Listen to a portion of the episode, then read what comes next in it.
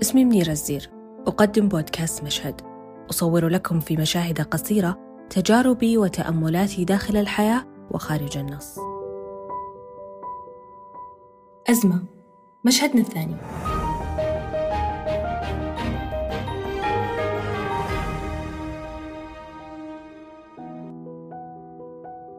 ماذا لو؟ كنت أعرف أن هذه السنة ستكون هكذا؟ ماذا لو؟ قال لي أحدهم أعرف أن ما سيحدث في 2020 سيكون صعبا. سيؤثر على أشياء كثيرة وستصبح أكثر قلقا أقرب من عائلتك وأبعد عن كل الأشياء الخارجية. ستتوقف الحياة نصف عام وستكون أنت ربما ممن يغرق في اليأس يخسر أشياء كثيرة أو ربما ممن يجعلها نقطة تحول يعود بها إلى نفسه ويتهيأ لمرحلة جديدة من حياته هل راح تستعد؟ هل ستأخذ احتياطاتك من جميع الجوانب؟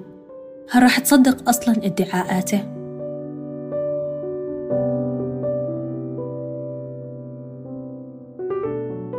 هذه الأشهر الطويلة والمليئة بالتفاصيل والمشاعر الأرباح المشاريع والخسائر الإنجاز واللا إنجاز. الأحلام التي طالما حلمنا بها كثيرا منها اللي تحقق ومنها اللي ركض واغلق على نفسه الأدراج. أبواب مغلقة هدوء يعم المدن والشوارع. وكأن لا حياة كانت هنا. قلق داخلي من جائحة لا توقع مسبق لزوالها.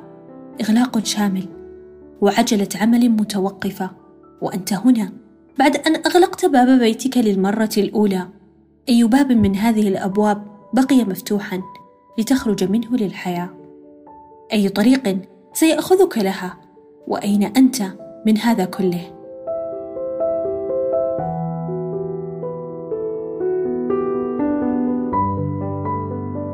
على قيد أزمة.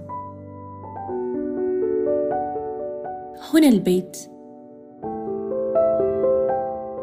هنا داخل البيت.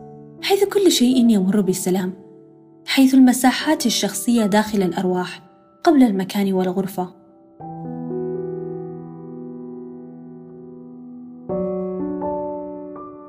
في اللي حاول يتعايش مع الأزمة رغم أن محاولاته لم تكن سهلة ولا بسيطة وكأن الأزمات لم تعرف طريقها يوما إليه.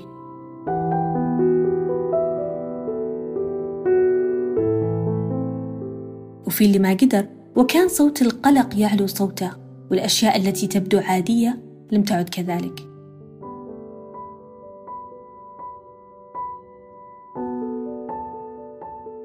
وفي اللي أغرقته الأزمة في التفاصيل أخذت في العمق لذاته. يشعر وكأنه تجمد لوهلة في محاولة استيعاب الحدث الطارئ على شعوره.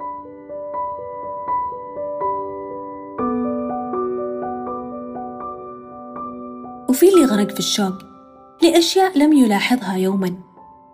اشتاق للصباح لما يفتح الستائر وكأنه يعرض مشهد جديد من حياته.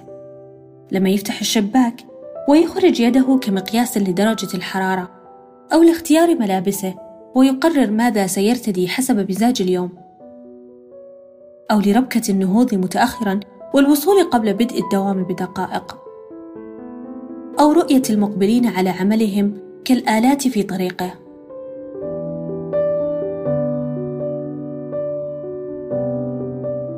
وفي اللي اشتاق أن يصادف الجيران ويسأل عن أخبارهم بعد أن نهض لتوه من بقعته المفضلة في المسجد.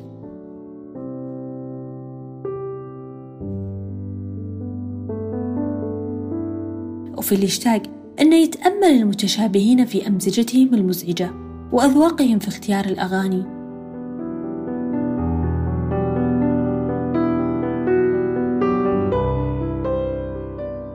وفي من اشتاق أن يسمع صوتا من بعيد يستودعه الله ويذكره بأذكاره.